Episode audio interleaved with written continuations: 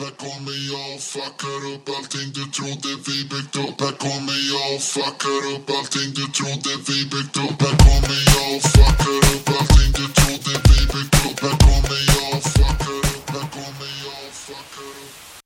Hej och välkomna till ännu ett härligt avsnitt av podcasten Om och Men, där vi reder ut det ni tycker är krångligt och krånglar till det ni trodde redan var utrett.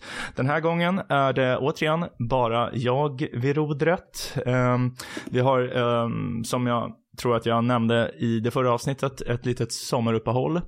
Eh, och ehm, har tänkt spela in eh, några poddar med böcker som har betytt mycket för oss. Ehm, där vi pratar om dem, varför vi tycker om dem och eh, tipsar om att man borde läsa dem.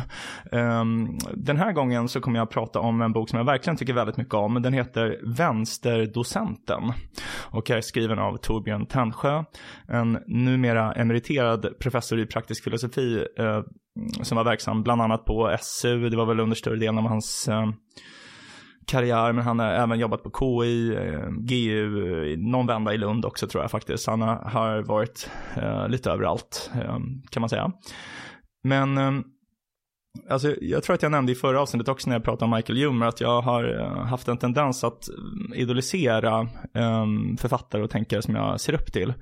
Och um, Michael Humer har väl liksom under de senaste två åren varit den som jag tyckt mest om, även om jag som sagt har förlitat mig lite mindre på honom det senaste året här. Men um, om man hade frågat mig för kanske fem år sedan um, vem som var min största intellektuella idol, då hade jag nog svarat uh, Torbjörn Tännsjö. Uh, eh, han ehm, Eh, hans böcker har, har verkligen förändrat väldigt mycket mitt sätt att eh, tänka och mitt sätt att se på politik och filosofi. och Sådär.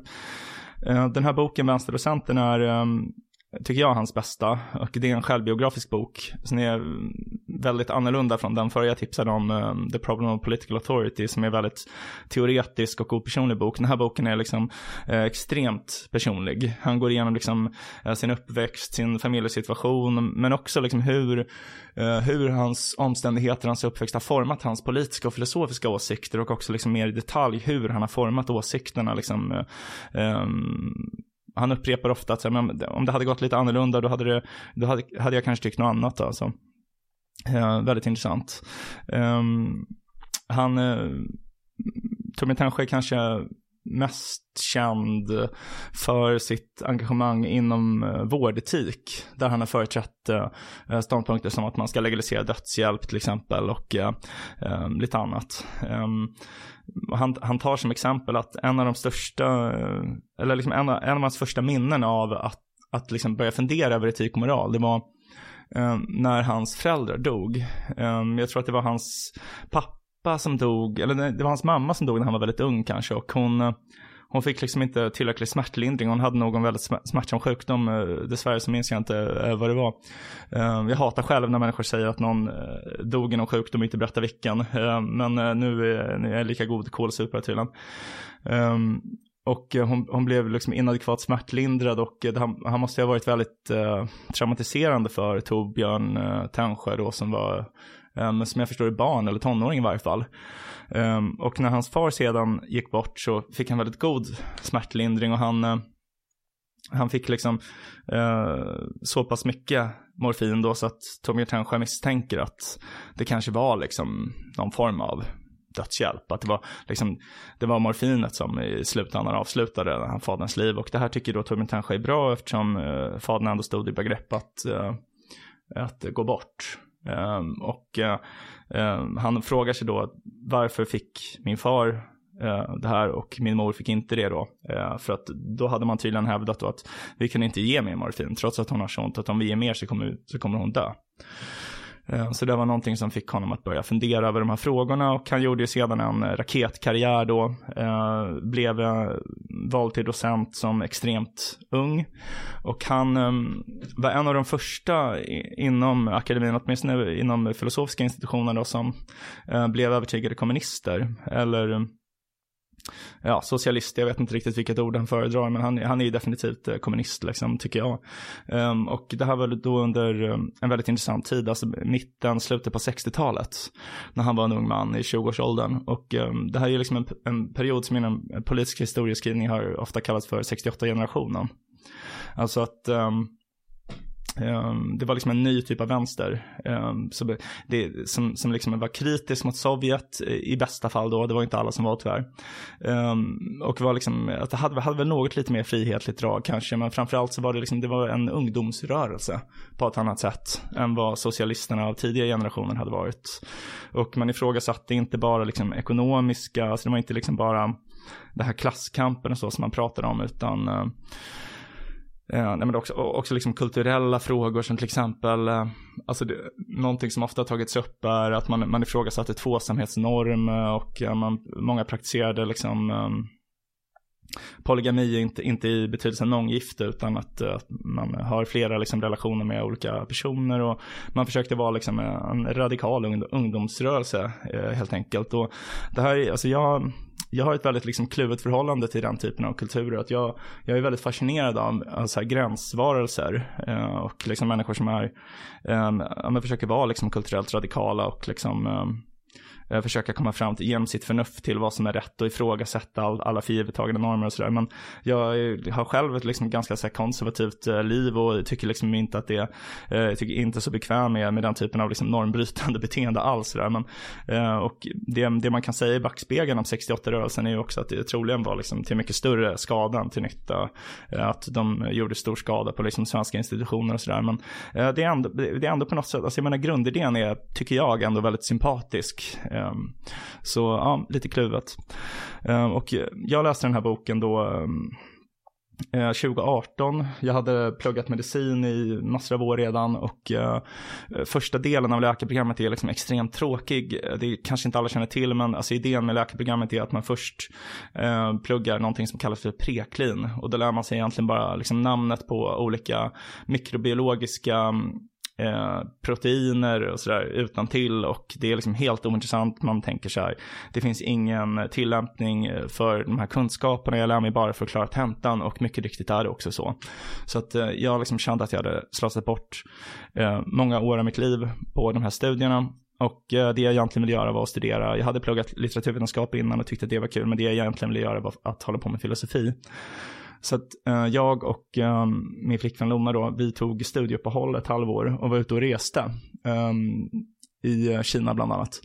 Och eh, under den tiden, det här var då eh, alltså våren 2017, under den tiden så läste jag en distanskurs i filosofi, alltså A-kursen i filosofi. Och jag tyckte att det var liksom otroligt ögonöppnande att man äntligen liksom fick ingå i ett sammanhang där man kunde diskutera sånt som jag var intresserad av. Ehm, framförallt etiskt moraliska frågeställningar men även liksom politiska, metafysik, den typen av saker. och epistemologi. Um, och um, under den tiden så uh, fick vi läsa Jeremy Bentham och John Stuart Mill, utilitaristiska filosofer. Och um, Eh, innan jag reste då så lånade jag massa böcker på biblioteket och då eh, liksom kollade jag runt om utilitarism och det var då jag hittade Torbjörn Tännsjös skrifter, en kort eh, textsamling som heter Politik och filosofi som är väldigt bra. Ehm, och ehm, under den här resan då, så jag läste så mycket liksom och skrev, man hade liksom som ett forum, jag debatterade med de andra, med medstudenterna och även med läraren. Och jag blev liksom övertygad utilitarist och på den tiden så var jag ehm, alltså vänsterpartist, socialist, så det hade alltid varit det. jag vet inte riktigt varför, men det, det, hade, det hade liksom bara fallit sig så. Ehm, och eh, då tänkte jag liksom att ja, men det var utilitarismen som förklarade varför eh, socialism var rätt. Att det var liksom att, för att som jag förstod det då så var det liksom genom socialismen som man kunde åstadkomma den största möjliga nyttan för det största möjliga flertalet då. Eh, så att jag skapade mig väl någon typ av liksom eh, syntes mellan eh, socialism och utilitarism. Och um, när jag kom hem så läste jag den här boken av vänsterdocenten och hittade Torbjörn Tännsjö som någon slags befryndad eh, person, alltså som också är liksom en socialistisk utilitarist som förklarar liksom med utilitaristiska argument varför man bör vara socialist. Och därför så blev jag liksom nästan besatt av honom genom den här boken och uppföljaren som heter Etikprofessorn, um, som rör liksom mer 80-90-talet. Och uh, jag gick på massor av så debatter med honom och ehm, jag, jag pluggade även en sommarkurs ehm, bara för att han skulle vara gästprofessor där. Så det var liksom bara en föreläsning som jag eh, såg fram emot som var den enda anledningen till att jag tog hela den här kursen.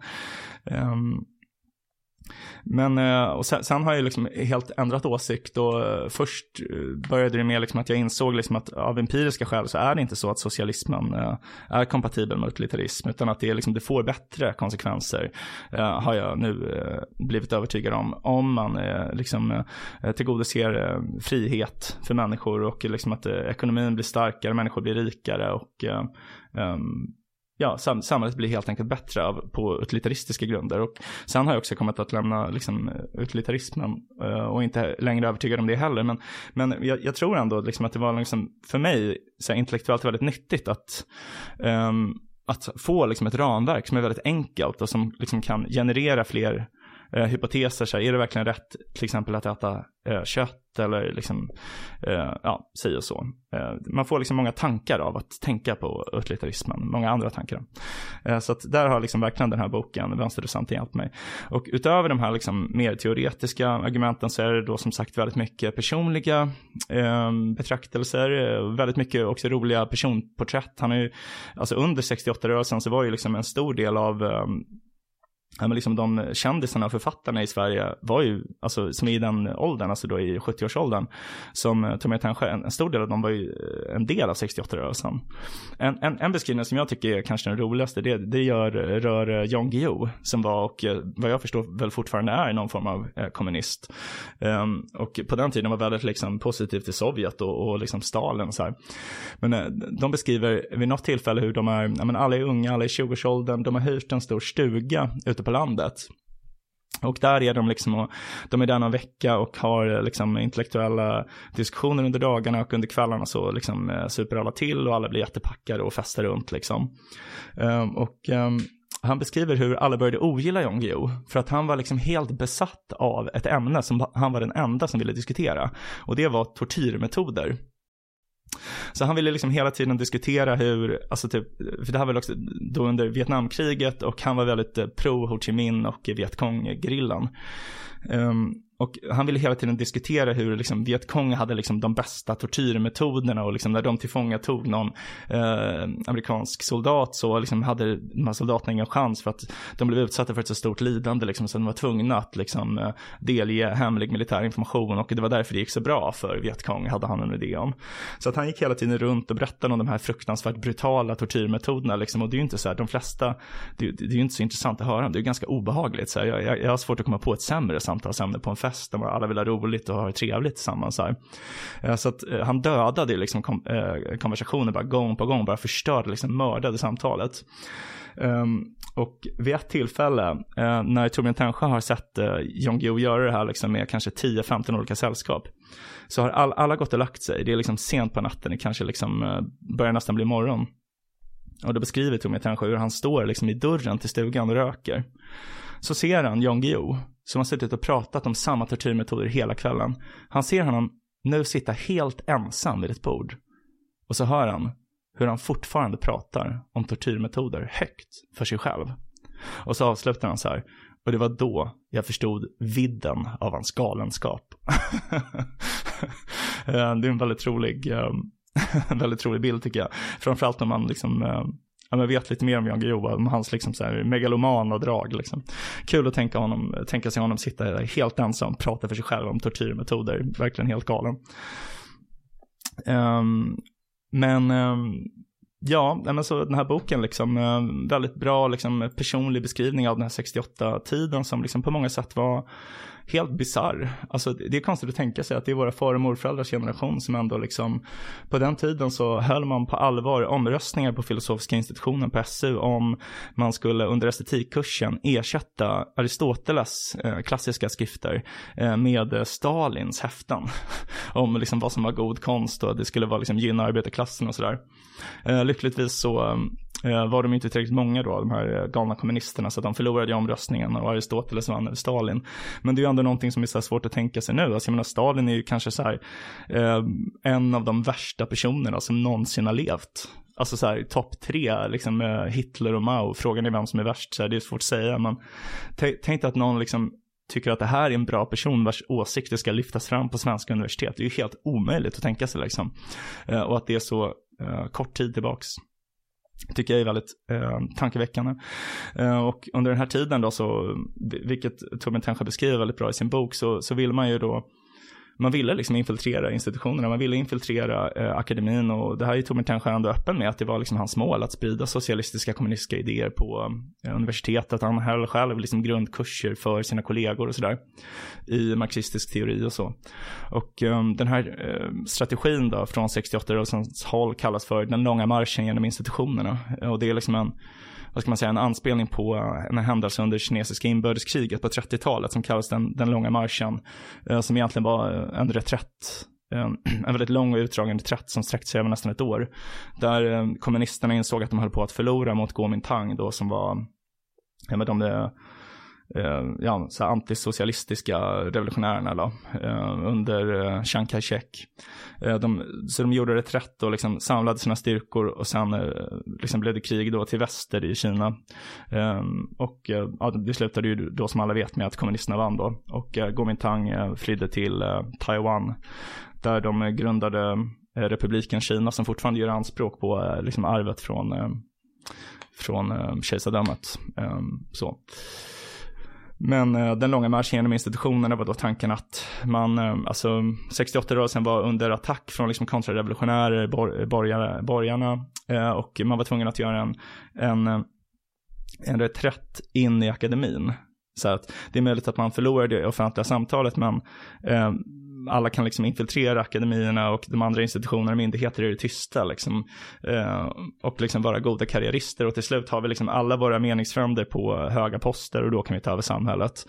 Eh, och jag menar, Alltså så här, det är ju många som menar att många institutioner är vänstervridna, akademin till exempel inom humaniora och det, det ligger säkert någonting i det även om jag, alltså så här, ja, alltså det, det är ju väldigt långt ifrån eh, på den nivån.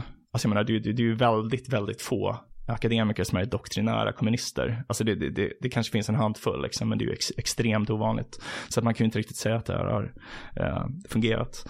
Men, eh, ja, men sammanfattningsvis, eh, Vänsterdocenterna och Torbjörn Tännsjö, en eh, verkligen otroligt tankeväckande och inspirerande bok. Eh, även om man inte håller med eh, Torbjörn Tännsjö i hans politiska åsikter, vilket jag verkligen hoppas att ehm, eh, ni inte ska låta er övertygas av om ni läser den här, eh, så tycker jag liksom att han är eh, ja, men hedervärd på något sätt, liksom att han verkligen eh, låter sig styras av sitt Eh, Eh, förnuft och ehm, ja, men skriver på ett väldigt ärligt och utlämnande sätt också.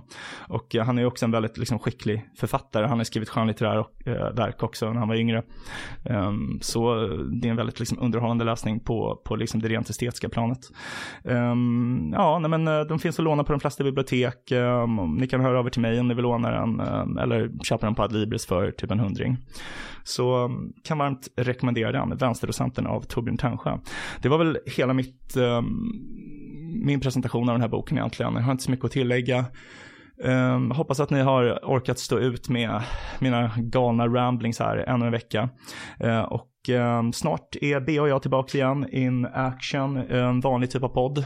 Uh, och eh, till dess får jag tacka så himla mycket för att ni har lyssnat på ännu ett avsnitt av podcasten Om och Men där vi reder ut det ni tycker är krångligt och krånglar till det ni trodde redan var utrett. Nästa vecka kommer vi prata om någonting helt sjukt. Jag fuckar upp allting du trodde vi byggt upp Här kommer jag och fuckar upp allting du trodde vi byggt upp Här kommer jag och fuckar upp allting